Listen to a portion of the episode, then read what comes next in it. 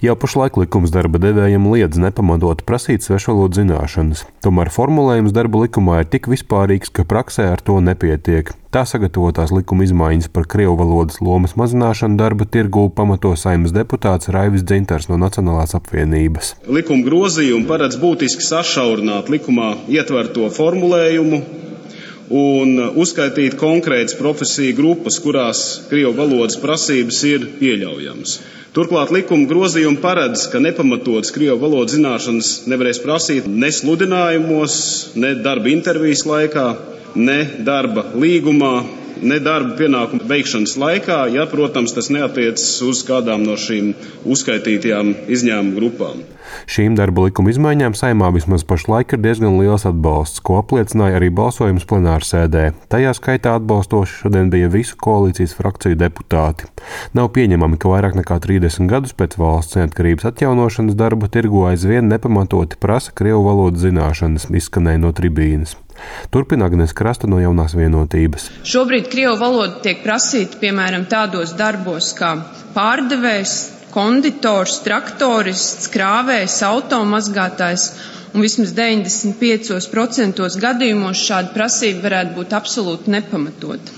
Situācija ir nepieņemama, jo tā vispirms jau pasliktina valsts valodas lomu.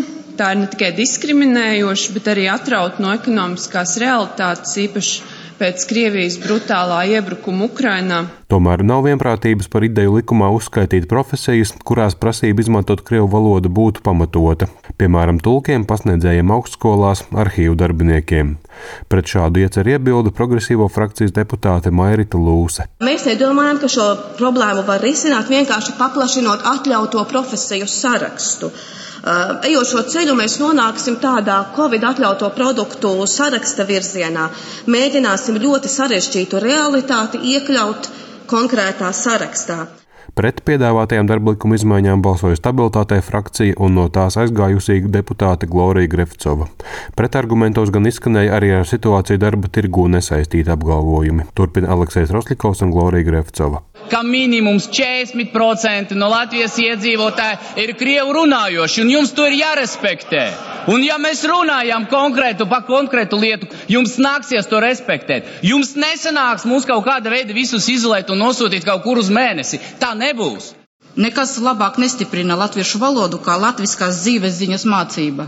Un es aicinu kolēģi novērst diskrimināciju, neaizliedzot tikai Krievu valodu kā obligāto prasību, bet aizvedot jebkuru svešu valodu kā obligāto prasību. Stiprināsim latviešu valodu, stiprināsim latgaliešu valodu. Saimas deputāti darba likuma izmaiņas otrajā lasījumā turpinās skatīt pavasarī. Priekšlikumi iesniedzami līdz 29. martam. Jānis Kincis, Latvijas Radio.